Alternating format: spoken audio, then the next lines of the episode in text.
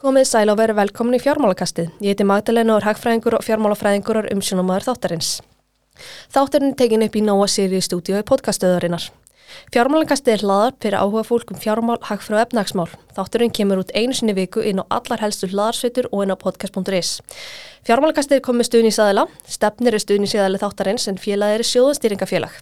Upplýsingar sem framkoma í hlaðarpinu fél á engan hátt í sér aðgjöf um kaup eða sölu tiltekina fjármálagerninga.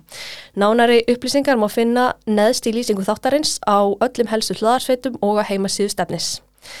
En þá efni þáttarins. Ég fengi inga til mín Gunnar Ulfarsson og Elísu Örnu Hilmastóttur, hagfræðinga viðskiptaráðs. Við ætlum að fara yfir það helsta sem gerist á viðskiptaþingi sem haldi var fyrir mánuðinum. Við ætlum auka þess að ræða um verbulguna, aðgera seglabankans, stutluðu kjæramálin og kannski eitthvað sitt hvað fleira. Gunnar og Elísa, verið velkomin. Takk fyrir. Takk kærlega og til hamingi með nýja styrtræðalar. Já, takk fyrir það. hérna, uh, við ætlum að ræða ímisleit í dag eins og ég komi náðan en kannski byrjum á þessum blessuðu verbulgu tölum en það var tilkynnt á mánudagin að verbulgun væri búin að rjúfa 10% múrin og stæði nú í 10,2%. Það er ótaf að segja að þetta voru ekki gleði tíðandi á mánudegi. Nei, svona eh, þert á móti. Þetta kom líka mikið óvart, sérstaklega eins og maður sé bara spár greiningraðala bankana Mm -hmm. Það var þvert á þær spár sem voru auðvitað að spá að ástakturinn færi þá lækandi sem hann gerði svo sannlega ekki en þetta er náttúrulega sem útsölu lókin kom á fullum þungainn og um eitt síðan voru þetta, þetta var kannski já líka fljófargjöldin sem voru mm -hmm. að hækka sem var kannski svona stangast á þessar spár en, en e, sumulegis má maður ekkert vera of svart svít, maður vonar að þetta sé samt svona að þetta fari, þessu fari að linna, þetta er náttúrulega við sjáum uh, þessa liði fyrir árið síðan fara dett út sem að vonandi komið þá til þess að verðbólgan fari núna lækandi en auðvitað er þetta líka pínu hérna, þetta er auðvitað mikið stressa því hún er ráðan svo breiðum grunni við erum eins og okay. sjá að hérna, undirliðnir hafa hækkað margir og sagt, þetta er ekki bara þessi þessi hérna uh, þessi húsnæðsækanir sem er að draða þetta lengur þetta er þetta Nú er verðbólgan mælistofnir breyðara grunni og við sjáum mm. hvað að en það beil sko hvað tæplega 70% liða eru yfir 6% og yfir 90% yfir verðbólgumarkmiði sælubangans mm -hmm. uh, þannig að maður ágjör að því hversu útbreyttur þessi trýstingur er og þetta umræðan svo eilis að vara komin og hefur almennt séð uh, snúist um það að það sé húsnæðslegurinn sem er að tjaka þetta upp mm -hmm. en núna sjáum við hvernig þetta er svo útbreytt og líka sagt, þegar húsnæðis, hérna, menn fóru að hafa minni á að gera húsnæðisliðin verðbólgunni mm -hmm. þá fóru margir að tala um já já, nú er þetta bara innflutt verðbólga mm -hmm. og það hefur reyndar ekki verið þannig að undanförnu uh, og sérstaklega núna sér maður að verðbólguþrýstingurinn er svo mikill uh, innanlands, þetta er ekki bara með þessum innfluttu liðum Nei, nei, einmitt. Fyrir svona um það byrj árið síðan þá þrættu sumir hagfræðingar um hvort verbulgan færi yfir 10% eða ekki. Uh, hver var ykkar skoðun á þeim tíma? Byggustu við þessu? Ég bjóst ekki við því endilega hún færi núna upp í 10,2, reynda ekki sko. En þetta er svo sem kannski þarf ekki að koma nú óvart að því að maður fóruð þetta sjá þegar hún fóraði mitt eins og Gunnar segir að verða það svona útbreytt þá verður hún alltaf miklu erfiður í viðregnar í, í, í framhaldinu en, en Já, ég var svona vonu stóðu til um að, að hún hérna fær ekki yfir 10% en... Nei, ég man, náttúrulega maður hafði mestra ágjur af þessu þarna síðast í sumar þegar hún var hérna rétt undir 10% og hvað munið ekki sko skjáttast ekki, munið 0,1 eða 0,01% stygg þetta hefði námyndast upp í 10% í, í júli það er rétt það var eitthvað alveg á grensinu það er rétt slapp og hugsa maður ok, þetta veðmál sem að margar deildir hafa verið með þetta 10% að hérna, verðbólku veðmál það gekk ekki upp þá en þeir sem hafa greinlega verið áfram á þessu veðmáli unnuða núna í februar tölunum. Já, já, það er enga blöðum fletta að Sælabankin mun þurfa að bregðast við. Mm -hmm. uh, hvað haldið að stýrivexti verið hækkar marga punta á næsta fundi peningastæðin nefndar? Hafið eitthvað svona einhverju skoðan að því? Man hlýtur að búast við sko hressilegri hækkun spurning hvort það komi alltaf einum fundi eða hvort mm -hmm. það ætla að eiga eitthvað inni. Já, sko með allavega hvernig tótni var settur í síðustu vakstákurinn þá heyrðu við þetta bara að Áskir saði að gaf það sterklega til kynna það heyrði núna hækkun á þessum e, þessar ákvöru núna í mars og ef það var ekki tilefni þá þá veit ég ekki nú eftir þessa tölur þannig að ég ef ég ætti að hérna, setja ykkur á tölu þá var þetta ég gæti alveg trú að þetta væri 75-100 punktar mm -hmm. mm -hmm. Samála því Gunnar? það myndi ekki koma á vart Nei. það er sannlega að minnst okkasti hálft og, Já, og sumir alveg trúið gæti verið upp í hvort það sé 1% á næsta sannlega ekki en, en við erum alveg að sjá þá hækkun á næstunni Já, En hvað hefur svona ykkur fundist um aðgeri Sæðlabankars frá því að vaksta hækkunar ferli hófst? Hafið þið alltaf verið sammála eða? Þetta er auðvitað, auðvitað er þetta skiljanlega aðgerð bankans mörguleitu. Það er alltaf talað um svo við séum ykkur einhyrningur í þessu samhengi.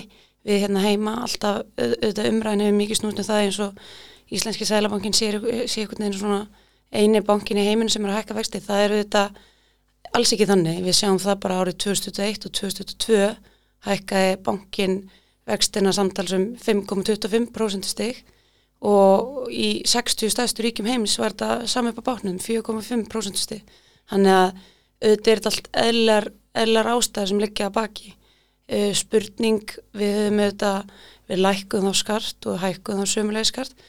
Þetta er, eh, sko, maður skilur þetta en mörguleiti þá er líka, sko, maður spyrja sig, þetta eru auðvitað væntingarnar eru komnar svolítið út af þekju, við auðvitað heyrum Sælabankastjóra að segja tvo fundi í gaf það sterklega til kynna að það þyrfti ekki að hækka vexti meira og við værim vonandi búin að ná tökum á þessu, síðan alltaf stennst það ekki auðvitað verður þá kannski hérna, verður auðvitað almenningur, hann, hann skilur þá kannski ekki þessar Mhm. aðgerir í framhaldinu eða kannski búið að tala, ég veit það ekki eitthvað á sér. En Sælabankin hefur uh, þessi tól sem hann er að nota til að að býta verðbólkunni og við verðum auðvitað að skoða þetta í þessu samingi þetta er ekki bara, það er ekki bara einn aðeili sem getur tekist á verðbólkuna, þetta er Sælabankin það er miklu fleiri sem koma þar að.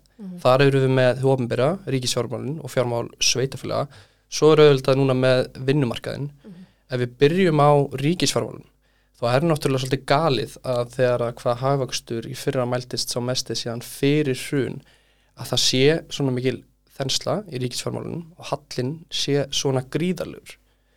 Uh, núna kemur að kjærasamninga gerð hins ofnbera, um, skallst ekki þá er það bara Og maður hefur svolítið áhyggjur um sko, hverju niðurst að kjærasamninga þar.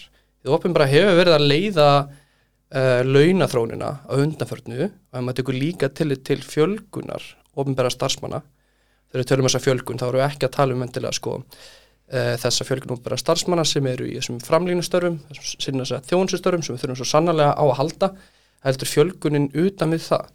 Og þarna þarf ríkið að taka sig á og í stað þess að vera sífælt að tala um sko, jú, það þarf að sína aðhald í rekstri og, og ráðdeild, það þarf svolítið að sína það bara í verki núna, það er komið að því.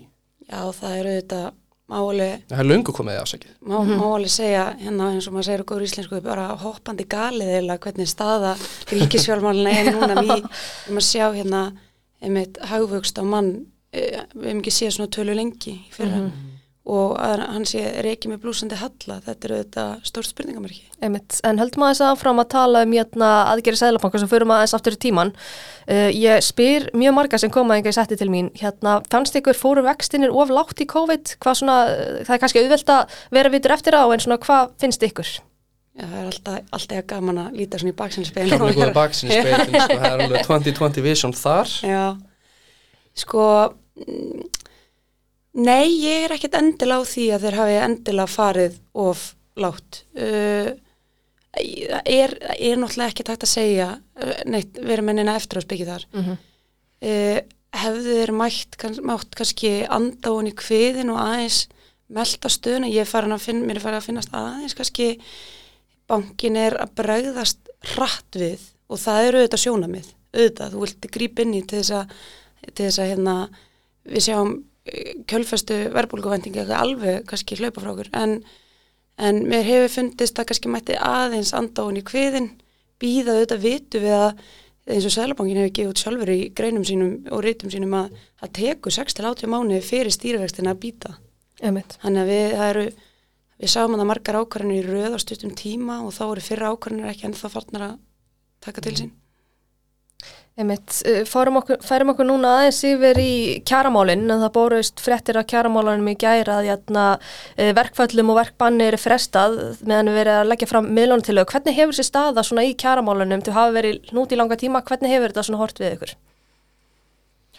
Uh, maður hefur náttúrulega haft uh, miklar áhyggjur að undanförnu, sérstaklega ljósið þess að það er nú frekar langt síðan það var að skrifa undir uh, kjærasamlinga sinna, SA að skrifa undir kjærasamlinga við stærstu mm -hmm. stjættafölugin og svo var þessi deil náttúrulega bara í algjörum hnút. Og við sáum bara hvað stemdi í, hvað átti bara að taka gildi núna í uh, á mánudaginn ekki satt með verkbönn. Og þetta hafði maður verulegar áhugir af því. Um, nú var lag, lagð fram þessi miðluna til það sem er í sjálfur sér mjög lík um, að miklu leiti eins og fyrri miðluna til það sem var lagð fram. Mhm. Og það sem kemur svolítið óvart um, er að það er satt, full afturvirkni er á borðinu Mhm. og maður verið ágjör á því sko að það dregur úr kvatan, nú er búið að tefjast þessar uh, kjara, eða þessar niðurstaða kjærasanga, þetta er búið að tefjast og viðröðan er búin að vera í algjörum hnút en svo einhvern veginn þegar það kemur í ljósa ok, það er kannski ekki endilega eh, við sáum bara hvað stemdi í og það er ákveð að koma aftur á borðinu, að það sé full uh, afturvirkni í bóði, þetta Mhm. mér reynast gríðarlega kostnæðasamt fyrir fyrirtækin eða það sem þessi kjærasamningar uh, eiga við. Algjörlega, þetta, en hérna þetta hefur verið öruglega mikill vendupunktur í þessum umræðum hjá SA og eða viðram hjá SA og eflingu. En það sem að kannski óttast líka e, nú er auðvitað bara hérna ef að þetta verður í höfn sem maður auðvitað vonar að til hann var í samþýtt að þá eru auðvitað bara örfáður mánuðir í næstu viðræðir. Þannig Já, að það er svo sem nákvæmlega. þetta er auðvitað svona ongoing hérna project Mhm. en hérna það er auðvitað um, mikilvægt að eins og SA gerði vel og það er auðvitað mikilvægt og ég vona að það niðurstan verði svo að, að hérna SA taki mitt þessa ákveðin lína og er auðvitað búið að semja við þannig SGS og, og aðra að þið séu þá ekki búin að hleypa öll í bálabrand ef að, ef að hérna það hefur verið sami á annan veg þá við eblingu að því þá vitum við þetta alveg hvað, hverju við möttum búast við þá núna eftir nýju tíu mánuði þá fengið þetta fengið þetta í baki sko, þá færi bara á stað eitthvað höfrungulöp. Einmitt. Hérna voru samningarnir sem voru gerði við Vaffer og SGS uh, umfram verðmættasköpun eitthvað matni eins og Seðlabankastjóri hefur bent á. Hvað finnst ykkur? Þeir eru mjög dýrir og það verður bara að, að segjast en kannski var þetta ágætt lending í því umhverju sem við erum núna en við sjáum ekki hvað markitu breyst sérstaklega þessar verðbólktölur sem við varum núna réttum að ræða koma í ljós sko. þá er maður er kannski meira ágjör sko, hver verður staða næst þegar það verður sett að samningsbólinu Mm -hmm. hvernig verður sem sagt umhverju hvað þá var það sko, stýrivexti hvernig verður verðbólgan, hvernig verður staðan á húsnæðismarkaði Mm -hmm. Já, það var alveg, þetta var svona í hérna, kannski í herra markinu, efralæginu en, en þetta eru þetta skamtíma samningar, þeir eru stuttir þetta, Hvað finnst ykkur um það samið til svona skamstíma? Mér þykir að bara verulega sniðut í þessu árferði, það eru þetta erfitt, erfitt. við erum, þetta eru miklu umrætt tímar og við vitum ekkert uh, það var auðvitað allt svolítið stórt spurningamerki þannig að og er auðvitað bara varðandi þá uh, eins og stríðið og COVID og orkukrísun og annað og við vissum ekkert hvernig þetta myndi og vitum í rauninu ekkert hvernig það er bara verið að spyrja leikslokum þannig að það var auðvitað bara greiðlega sniðut í, í því ástandi. En þetta skamtíma samningur núna og maður vonast til þess að það náist ákveðinu langtíma samningar Já, næst, það er auðvitað það sem að það er auðvitað, auðvitað stefnan en þetta er auðvitað djöfulegt öruglega fyrir SA þeir gera svo marga kjæra samninga en mér skjáttast er ekki 150 samningar eða svo sem þeir gera. Já, jáfnvel fleiri. Já, Það eru margir samningar, nú, nú er vel að, að, að er- klára ýmsu að uh, litlu samningana ennþá. Og svo þurfum við eiginlega bara aftur að setjast og fara að undirbúa næstu, næstu lótu. Uh, ræðum aðeins um vinnumarkasmódel hér á Íslandi. Finnst ykkur að þetta breyta því og ef svo er hvernig? Já, þetta er náttúrulega hérna þessi umræða sem er alltaf tekið upp þetta er auðvitað, við erum með þetta sérstakka vinnumarkasmódel sem við sjáum að er hreinlega bara ekki að virka og þetta er náttúrulega með allt öðru móti eins og Norðurlöndun sem við auðvitað erum alltaf að bera okkur sama við þar sem það er enga markaðurinn sem, sem ræður förinni, þar sem verðmættasköpunum verður til og, og setur tónin þá fyrir ópenbæra markaðin þetta verið skjön, við skjön og þróuna hér sem að það sem að óperu markaðin eins og Gunnar komið náðan hefur verið að leina, leiða launaþróununa Og þetta er mjög flókið þessu samingi, það sem Elisa bendur á, annars að þetta almenni setja tónin og, því opinbera sem sagt fylgi þeim ramma sem er settur. En svo það líka lítil þess að almenni vinnumarkaðurinn, þetta eru mjög fjölbreyttar aðtunugreinar sem eru hérna á Íslandi, rétt eins og í þjóðinu sem við berum okkur saman við. Og staðan innbyrðis á milli þessara greina, hún er ólík og það eru þetta erfitt að láta einn þess að það er flóki þegar eitt samningur á að, á að gilda um alla sérstaklega við sáum bara heimsfaraldri hvað hva aðtunugreinar uh, það standa misvel að loknum faraldri. Margar einhvern veginn ennþá svolítið að jafna sig ferðihjónustan uh, að taka stað en, en það er náttúrulega mikill kostnæður sem hlust á stöðinu í, í heimsfaraldri. Aðra atvinnugreinar og útlýsinsgreinar kannski bara gekk ákveðlega vel. Uh, hvað var það vinnumarkaðsmótili þá með skjáttlastiki í Noregi þá var það þannig að útflutningsgreinar setja svolítið, setja sem sagt leggja línunar og svo miðist al, almenn út frá því og svo hefðu ofnbæra. Og þetta er eitthvað sem að það hefur lengi það hefur, hefur, þetta hefur lengi verið í skoðun hér á Íslandi og þetta teljum við að það væri Hafið fundið fyrir einhverju pólitísk vilja til þess að breyta þessu? Það verður kannski réttar, ég veit ekki, að, að spyrja einhvern úr SA varandi það. Ég, jú, jú, auðvitað eru það alltaf hérna einhverju sem hafa að tala fyrir þessu. En síðan er þetta náttúrulega, þetta verður ekki, ekki gerst á einni nóttu þetta og, og veist, þetta er auðvitað pínu svona kannski ólíuskip sem þarf að, hérna, -hmm. og eins og þú talar um hvort að uh, kjærasamlingsbundar launahækkanir uh, séu innan sem sagt þessa verðstöðuleika innan hérna rýmis verðstöðuleika þá sjáum við alveg það að undanfærin áratug þá hefur þetta kemur bara skýrt fram í peningamálum Sæðalbankans uh, tvö árunni 2002 með skjáttlast ekki að á síðustu tíu árum þá hafa launahækkanur í Íslandi verið langt umfram það sem samrýmist uh, verðbólgumarkmiði Sæðalbankans hins vegar um, voru við svo það gekk eins og einhvern veginn svolítið allt upp sko, 2015 og, satt, og síðasta ára og tíu var það þannig að það var náttúrulega uppgangur í ferðhónstu það voru hagfæld uh, ytri uh, skiliri þannig að sko þessi verðbólgu þrýstingur sem hef, hef, haldið að myndi koma fram hann einhvern veginn minkaði vegna þess að þetta var alltaf styrkjast hér.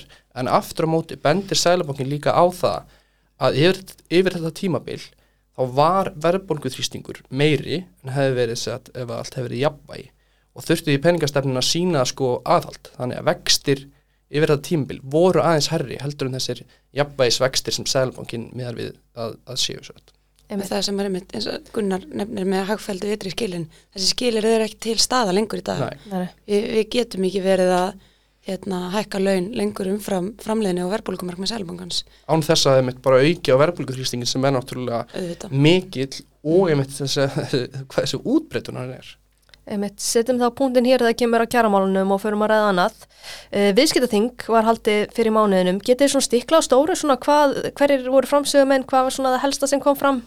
Mm Við fjalluðum um orkumálin núna á viðskiptaþingi. Vildu svo ná utan um þau, ná utan um orkuskiptin, orkumarkaðin, hvað þarf að gera til þess að við náum að standa við þessar skuldbindingar í loftslagsmálum? Uh, setja þetta svolítið bara svona einmitt í skýrt samhengi þetta er, þetta er mikilvægt topic en það er einhvern veginn það er allir meðöndur um þetta vandamál en það er bara svona meira hvað fælst í því og hverju lausnunar Og hverjir voru framsögum en? framsögumenn, hvort við hefum tíma til að þylja allir? Bara þess að helstu. Já, hérna Sæmundur Sæmundsson hjá Epplu kynnti sér að skýrslu viðskiptir að það sem við fórum með þetta með álumni mjög áhuga skýrsla, hveti alla til þess að kynna sér hana á Er, vef- er hún er við hún er hann að um, svo kom uh, maður sem heitir uh, Paul Turner sem er fyrir að uh, sem er forstjóri er hann forstjóri? Hekate Vind hann starfar hjá Hekate Vind sem er sér hægt að skoða möguleika um uppbyggingu vindorkuvers á sjó á Íslandi. Áhugavert verkefni. Já, hann er einmitt búin að vera í, í þessu í mörg ár og segir að hann hef aldrei séð hagfældari skilirði fyrir vindorkugarði eins og, vindmilugarði eins og, eins og hérna á, hjá östfyrðunum segir bara að það er svo gríðarlega mikið rók það er svo mikið tækifæri í þessu sem er gleðið tíðindi en ég senn náttúrulega hræðarlega staðrind að það sé svona mikið rók hérna. En það var gríðarlega áhugavert erindi og fekk mikla umfjöldun svo styrði Svanldur Hólm pallborði uh, þar sem Finnur Beck, frangatstjóri Samarku kom, Hallarhund, orkumálastjóri og Ástundur bæjarstjóri á Akureyri. Og þar var svolítið skoðað samhengi sem sagt orkumála út frá uh, orku fyrirtækjunum, það sem Finnur talaði fyrir það. Uh, svo tengdu við það annars vegar við sko orkustofnun sem sér um þessi leifi við rættu orkuskiptin og svo aðeins tengdu við þetta inn í uh, byggðamálin, þar sem Ástundur var eins og fulltrúi sveitastjórnstiksins og í palinum voru þau svolítið að ræða sko hvernig er þetta ná sátt um það um hvar framtíðar uppbygging uh, orkuframleiðslu á Íslandi og vera hvernig er þetta því sátt við sem sagt uh, nærsamfélagin um, og sjásagt og, og, og hvernig er raun sem við getum tryggt að við náum þessum orkus, orkuskiptum og þessum skuldbindingum sem að, að feli, þau fel í sér.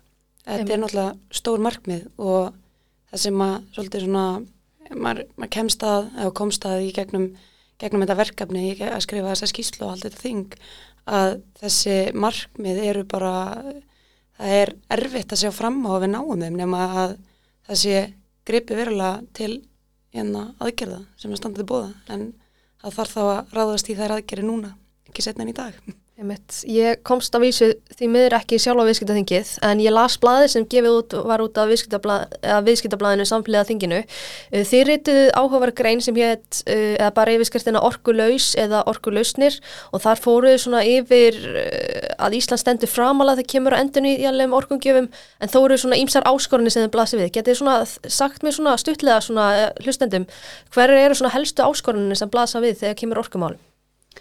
Við erum þetta eins og segir með 85% endur nýjarlega orku uh, sam, samanbúrið við hvað er ekki 11% í heiminum? Já, allir bróst í heiminum, af sérsett frumefna hérna nótkun orkunar frumorkun okkur. frumorkunokurni en hérna það er auðvitað sko þessi vandamál sem, sem blasa við þau eru margslungin. Og til að mynda leifisveitingaferli sem við fórum hérna Mhm. djúpt í, í skýslunni við erum að sjá að ofinber samþyktaferli og, og hérna eru þetta er að taka miklu lengri tíma heldur en lögbindi fresti segja tilum og við erum til dæmis að sjá að þessar rammaáallanir sem er að taka fjögur ár eru búin að taka núna nýju ár og þrettan ár, þetta er auðvitað langt umfram það sem er ásættanlegt. En síðan er þetta auðvitað líka pólitíst uh, viðkvæmt. Mm -hmm. og auðvitað spilar þar inn í emitt eins og Gunnar kom inn á sveitastjórnastíð Mm uh, við erum, já, það er svo sannlega til svo mikils að vinna og við lítum á þetta aðeins svona uh, zoomum aðeins út, þá sjáum við það að til þess að ná fullum orkuskiptum þá þurfum við að auka rávorkuframleyslu um 8-10% svo á sama tíma, þá mun samfélagið okkar vaksa við þurfum meiri orku fyrir heimilin, við meiri orku uh, fyrir atunlífið þá þarf að bæta um það beil 40% uh, framleyslu við, þannig að þetta er, þetta er rúm tvöföldun á rávorkuframleyslu uh, sem við þurfum. Og þetta félur sér ávinningurinn auðvitað bara af orkuskipt með einum og sér er gífurlur ávinningurinn fyrir loftslag svo getum við líka að skoða þetta út frá því að ok, hvað þarf uh, til? Við þurfum þá að sem sagt, auka ráorkframlæslu um því sem, sem nemur. En svo staðan er núna hvað, það eru tvær virkjanir í framkvæmdum. Mhm. þetta er ekki þetta er ekki mjög stórar virkjanir. Þetta er minnskosti ekki, ekki neitt í saminginu það hversu, hversu mikið okkur vantar á næstu árum. Um, leifisvetningaferlið, uh, það tekur hvað 8 til 13 ár að fá uh, leifi samþygt þá eftir að byggja þá eftir að byggja. Hvað er mörg ári í 2030?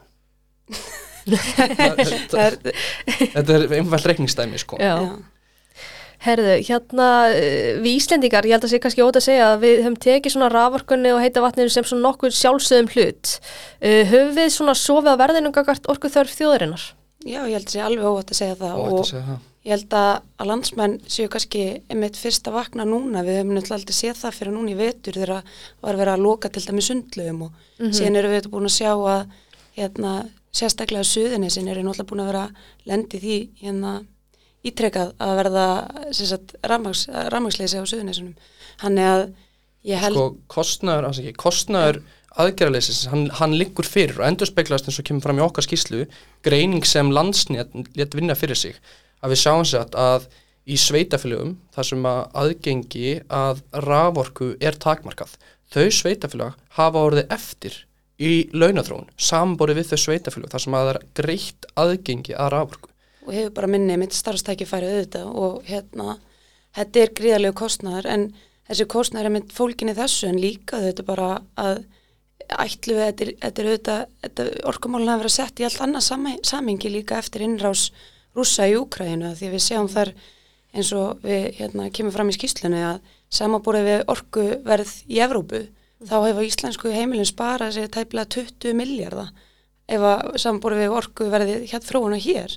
Þannig að auðvitað er þetta líka sko hagsmunamál auðvitað að vera ekki bundin sagt, með hendur bak og bak að, að bak við bak segja því að, að því að við einhvern veginn höfum sofa verðinum og þurfum að treysta aðra þjóður í þessum efnum þegar við höfum svo sannarlega hérna, all, allt í það að fara í þessu orkusskipti það er ekkert sem að skortir nema auðvitað þá bara að taka ákvöruna Já, það kom líka fram í greinin ekkar að yfir 90% Íslendinga til, telja að orku sjálfstæði mm. e, skipti máli. Hver er svona besta leiðin til þess að tryggja or orku sjálfstæði landsins? Það er mitt með þessu að við séum þá ekki háða öðrum þjóðum og ég held mm -hmm. að mhm. þetta er mitt... Ég, Helst þá í sem sagt ólíuinflutningi. Já, það er algjörlega. Það er algjörlega. Það er mitt, ég held að fólk hafi svolítið hérna átt að segja á þessu þegar við séum hvernig fór fyrir orkuverðinu til dæmis í Breitlandi þegar fólk horfir hérna á löndin í kringum okkur og sér hvernig það hefur drifið áfram verbulguna þar og hvað rosalega áhrif það hefur haft bæði á fyrirtæki og heimili. Einmitt, þið voru kannski eitthvað aðeins inn á það áðan en kannski þið getur reflekta meira á það hvað stendur Íslandi í svona alþjóðlegum sambyrði þegar kemur orkumálum?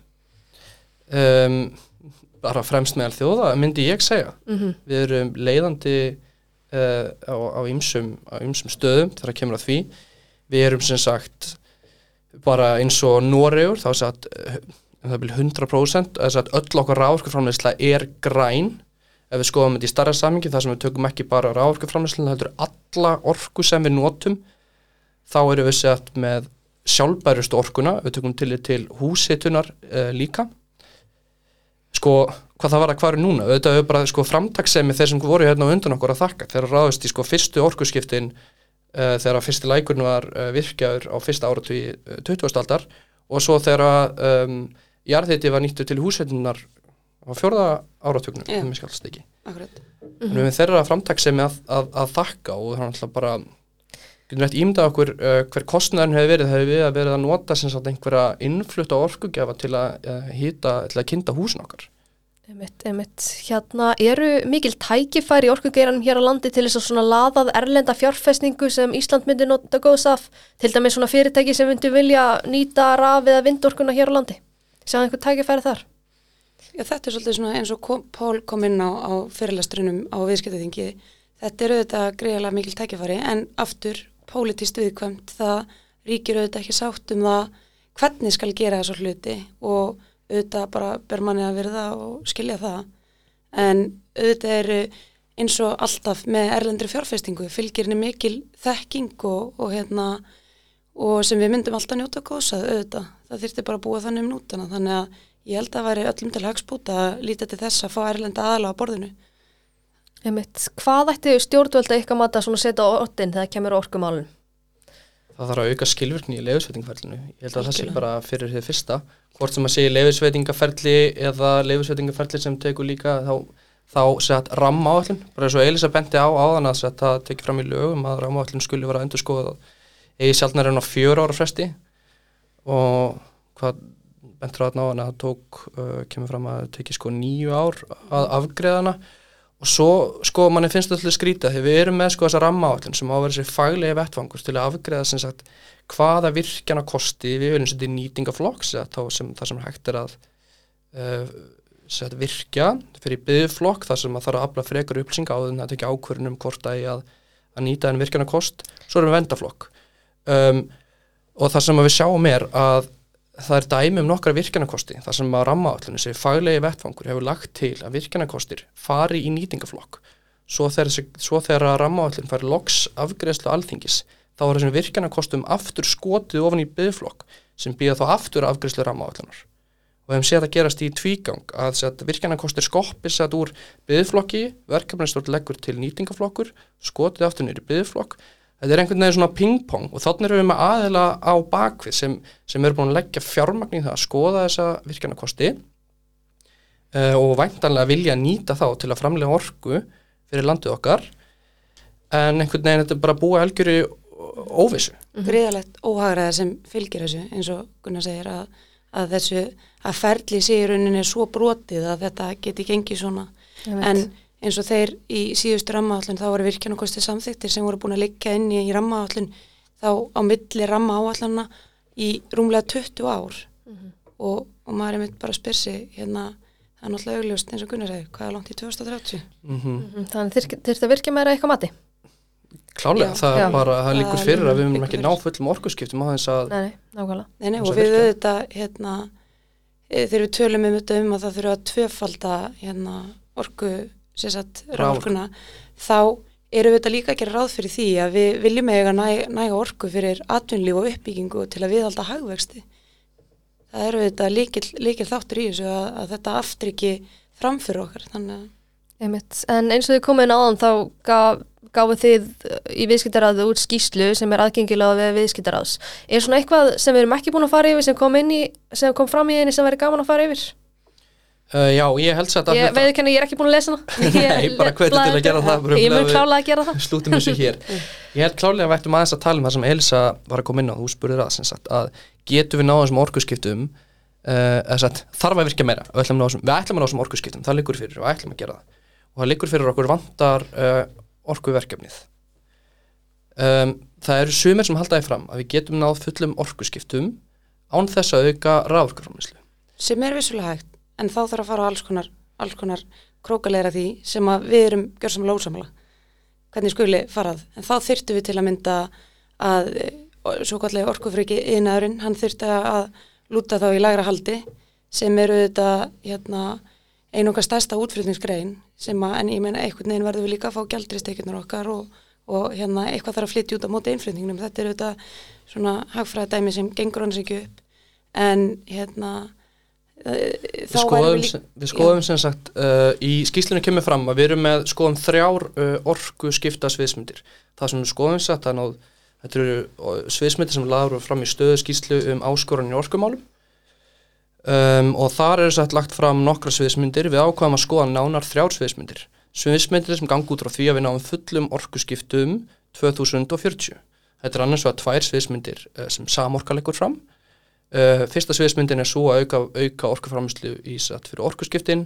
Númer uh, tvö er sem sagt uh, full orkuskipti og raforka til að standa undir sagt, vexti samfélags og atunlífs og þriðja sviðsmyndin er sviðsmynd landverndar og náttúrusamtakana og þar er, um, eru fórstundan þær að sagt, við aukum ekki raforkuframslu til þess að fullum orkuskiptum. Það verður dreigið úr vægi stóriðu og að það verði engin hagvöxtur umfram uh, mannfjölgun Já, það er einmitt akkurat það sem ég vísið til að það er þessi engin hagfustur umfram mannfjölgun er auðvitað, þetta er valmöguleiki sem að við teljum alls ekki eh, tækan. Í rauninni væri þetta, er þetta til þess að samkvæmt hagspá OECD þá erum við að sjá það að við verðum hérna fremst meðal þjóða. Árið 2060 erum við ekki þá með verka landsframlislu haus í sjötta sæti meðal sjötta sæti Já, með að sér ef að við færum að ráðum landverndar værum við hins vegar í 30. og 4.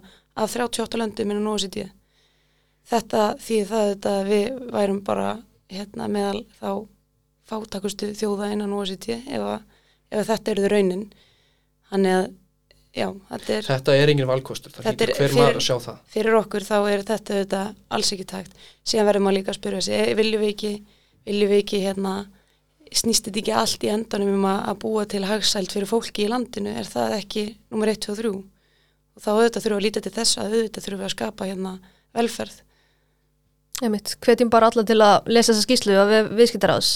En jæna, er svona eitthvað fleira á döfinni hjá viðskiptaráði svona eftir viðskiptaþing? Já, nú reynda kannski Eitthvað spennandi framöndan? við, við kemur okkur Gunnari lítið en það er þessi fundur hérna námskeið viðskiptar og logos um hérna, þetta er kannski svona í svipum dúrum með orkumólin, þetta er svona sjálfbarnismálin löggjöfin þar, það er skráningu fullum gangi Mm Eh. það, er að það er hægt að finna sem sagt uh, skráninguna á vef viðskiptrás, Já. uh, eins og svo allt annað sem við eins að ræðum hérna podcasti. algjörlega, uh, annars vegar, já, já, það er ímis eftirfylgni til dæmis um, út frá þessum skrifum. Það eru til dæmis fengið um, landvernd, uh, koma framfæri sínum sjónumöðum í viðskiptablaðinu, grein sem er skrifið í síðustu viku, sjónumöðum um sem sagt þessi skrif okkar í Elsu sem þú vísa ætla á Mm -hmm. um, það er svargrein sem við Elsa skrifið um Já, sem við byrtum í í viðskiptablaðinu í dag, hveit Mhm, alltaf að lesa bæði eh, svar landverndar eh, skýslu viðskiptaráðs eh, svar landverndar og svarið okkar. Og svo bara dæmi hver fyrir sig. Léttur lestur í kvöld. Nóa lesefni. já, en já, síðan auðvitað munum við fylgja þessu eftir með því að auðvitað koma skýslun út svona hægt og rólega líka þannig að fólk geti svona tekið þetta svona eitt bit í einu. En svo eru auðvitað alltaf bara við erum með hérna nokkuð svona sumaverkefni það eru auðvitað alltaf þetta EMD sem er að þetta er núna. Samkeppnishæfnin við erum að fara í gagnasöfnun fyrir það og það verður Sem- vantar að niðurstöður kynntar í júni já, Mm -hmm. algjörlega, þannig að það er alltaf, alltaf nóg að vera Já. Ég fæ ykkur þá kannski bara aftur þegar það er komið. endilega En jæna, aðurum færum okkur yfir léttunótunar þá ætlum við stutlega að ræða um fastegnamarkaðin. Nú er ástakturinn hérna komin yfir í 14,9%. Svona hvernig horfir þessi staða á fastegnamarkaðin við ykkur? Má ekki búast við frekari lækkunum?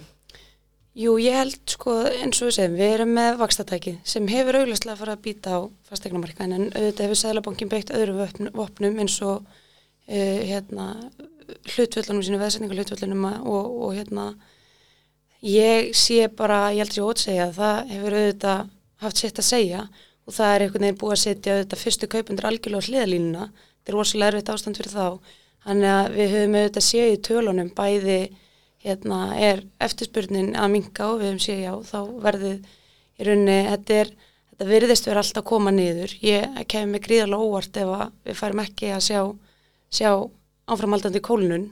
En þeir eru líka að sjá eins og segir verðbólgan hækkaði um 1,4 rúmlega prósent á milli mánaða.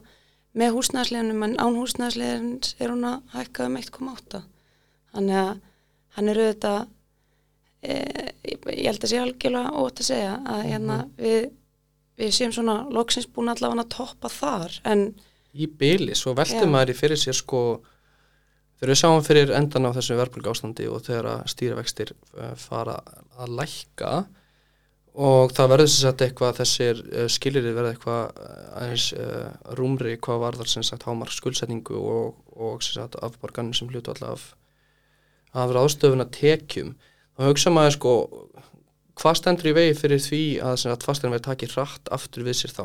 Maður vonar auðvitað bara að það er það er mikil uppkýking gangi núna. Frambóð og íbúðum er að fara að aukast og þetta vonum að það dugi til þess að, að þessar hækkanir sem að kom einhver tíman uh, uh, síðar að þetta einhvern veginn tempri þær aðeins. Og vonum við þetta bara að uppbygging á íbúðmarkaði verði áfram mikil. Já, það er svona, hérna, in the end er það auðvitað það sem að skiptir mjög miklu máli, þetta er bara frambúði. Þetta er, já, hagfræði 101, eftir spurna frambúð. Á þeim nótum þá færum okkur yfir á léttunótunar. Hérna, þið mentuðu ykkur bæði hagfræði. Akkur var svo fræðigrein fyrir valinu? að, já, ég, sagan sem að Gunnar hefur satt mér, ég ætla ekki að leifa hann að segja það að sögu. Hann talaði um að hann hafi sopnað í, hvernig var þetta aftur? Já, sko, þú spurði mig held ég þessu síðast og þá sagði ég einhverju sög en svo vorum við Elisa að þetta um daginn og ég man, ég man núna hv- hver pæl Nú kemur við með réttu Eh, söguna. Já, ok, sko þannig að uh, hvað, á, á fjórða ári í mentaskóla þá voru að velja okkur einhverja valáfanga og ég man ég skráði mig í einhvern sögu áfanga því að það var svo skemmtilegur að ég held svo skemmtilegur kennari með þann áfanga. Uh, Svo mætti ég fyrsta tíman og bara innan sko eh, örfára mínúta var ég bara sopnaður og þess að alltaf það bara kemur fyrir. Svo tími númer tvö og ég var svo agalega þreyttur í þeim tíma líka þegar að tala um sko setni heimstyrjöldina og eitthvað svoleiðis. Kann- kennarinn var enda með mjög róandi rödd sko bara svo þessi sagt Þannig hugsaði eftir annan tíma ég hugsaði Gunnar þú getur ekki bara verið hérna hálfsóðandi helin áfanga og verið að velja eitthvað annað fag. Þá skræði ég mig í hagfræði eh, hjá kennarinn mínu sem heitir eh, Pétur Örd Birgisson. Og það bara heitlaði mig algjörlega. Mér fannst þetta frábær áfangi, mér fannst allt svo lógist, mér fannst sko sem kennarinn sagði einhver, einhver vikti, maður gæti aðeins fylst með einhverju uh, einhverju ofnbæri umræðu og aðeins átt að sagði hvernig hlutinir virkuðu, svo bara skræðum maður sér í, í Háskóla Íslands og fannst hagfræði svona aðeinslega. Svo ertu hér í dag. Svo er ég hér í dag. Já, ég, einmitt, ég fór að hagfræða braut í Versló og hvernig það gerðist hef ég bara raunverulega ekki hugmyndum. Ég bara get ekki munið fyrir mitt litla líf. ég einhvern veginn enda allavega hana í hagfræðabrautinni. Jú, það var alveg stórundar alltaf til að þetta var annarkort viðskiptabrautin eða hagfræðabrautin. Síðan var meiri starffræði á hagfræðabrautinni og meiri, meiri markasfræði, ég man ekki alveg hvernig það var á viðskiptabrautinni sem ég leist nú ekkert á þannig að held ég hafa nú þess vegna valið hagfræðabrautinni í Vestló og síðan gekk það bara vel og mér fannst það spennandi þannig að ég held bara áfram fór í háskólan, hagfræðina Þannig að það var sko, það var- svefnin hjá mér, það var starffræðin hjá þér. Herru, ég nú fengi ykkur bæði hingað í podcasti í sikkur lagi, þannig að ég hef kannski spurt þessi spurningi aður en kannski fæ ég hannu svör. Hérna, hvað finnst ykkur skemmtilegast að gera undan vinnu? Já, Gun- við Gunnar gerum ekkert annan að vinna. Nei, nei, ég hérna ó, þetta er svo klísulegt svar en maður er náttúrulega, það er alltaf skemmtilegt að vera með vinum sínum. Og það er kannski ef ég að setja upp ykkur aðstæðar það sem mér líður best þá er það væntalega á fjallaskíðum með góðum vinnum með fjölskyldu. E, eitthvað stafur út á landi snæfilsensi, jafnvel. En neina, síðan er það bara þetta hefbunda bara hérna e, gríðarlega gaman að skíða hefði skíði í 13 ár þannig að ég ger það mikið á vetuna og síðan hérna, er það bara að ferðast og vera með vinnunum og hérna já, ég held að sé svona þetta er bara klassíska Gunnar er að reyna að endur við ekki að golf áhaga minn aftur, ég hefði hérna golf þegar ég var yngri og, og ég kemst nú ekki hjá því að Gunnar talar svo mikið um golf Já, það gengur ekki vel að fá Elisa aftur yfir, á, yfir Já, í þú golfið. mikið í gólfinu, eða ekki? Já, og ég tók Já. leikin upp uh, í námi í Skotlandi og sé Já. svo sannlega ekki eftir því og svo að kæ- kærasti mín sjá eftir því að ég hafi byrjað í golfi. Já, þetta er tímafrækt? Þetta er, sko, tímafrækt þetta er orð sem að ég tengi ekki við, golfi, þetta tekur tíma en ég meina sko, time flies when you're having fun. Þannig að mér finnst golfið aldrei vera of langt.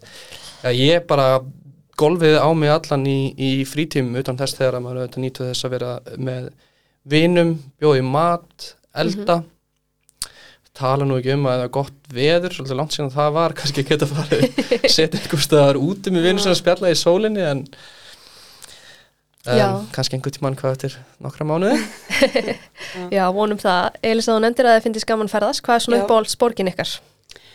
Borgin, já, þú segir nokkuð. Herðu, ég var í skiptinámi í Milano, Ítalju og þá ferðaðist ég með Efu vinkurum minni, við vorum hann að tvær, mjög mikið um norður Ítalju og ég held ég verði, ég get ekki gert upp á milli Flórens eða Fena, en það er held ég mínar uppáhalds. Ég get alveg ímynda mér á búajabilar, þannig að, Hvað með þig, Gunnar?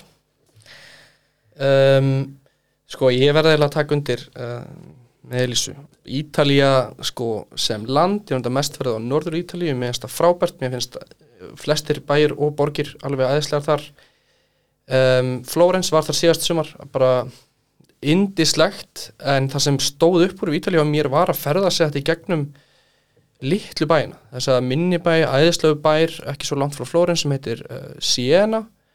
Um, jú, ætla að sé ekki bær eða eitthvað sannlega borg á hérna, íslenskan skala uh, bær á ítalskan. Og allir smábæni þar í kring, þræða, þra, þræða þá uh, kynnast menningunni um, maturinn já, bara eins og er- Norður Ítalía já, Ég er að fara að sem er hlakka mikið til. en játna, ég er svona farin að spyrja fólk sem kemur yngað, hvað er að ykkar mati svona besta fjármálamyndi að þættir allra tíma? og það hafa vantilega allir svarað Big Short eða eitthvað þannig. Eitthvað, eitthvað á þann veg, þið, já, Já, Sko, hérna Þetta er góð spurning. Mér finnst alveg sko Já, mér finnst sko. einstaklega sorglegt að fólki finnst oft, er, fólki finnst oft sko þessar spurningar erfiðari heldur en, heldur en Já. efnið sem að, ég er ekki frá því. En ég, ég sko, ef ég má taka svona smá, leggja smá likki á leið að þessu svari og þetta er tengist, þetta er kannski ekki fjármála þættir eða mynd, nei, nei, en hérna hafið sé Spotify þættina á Netflix?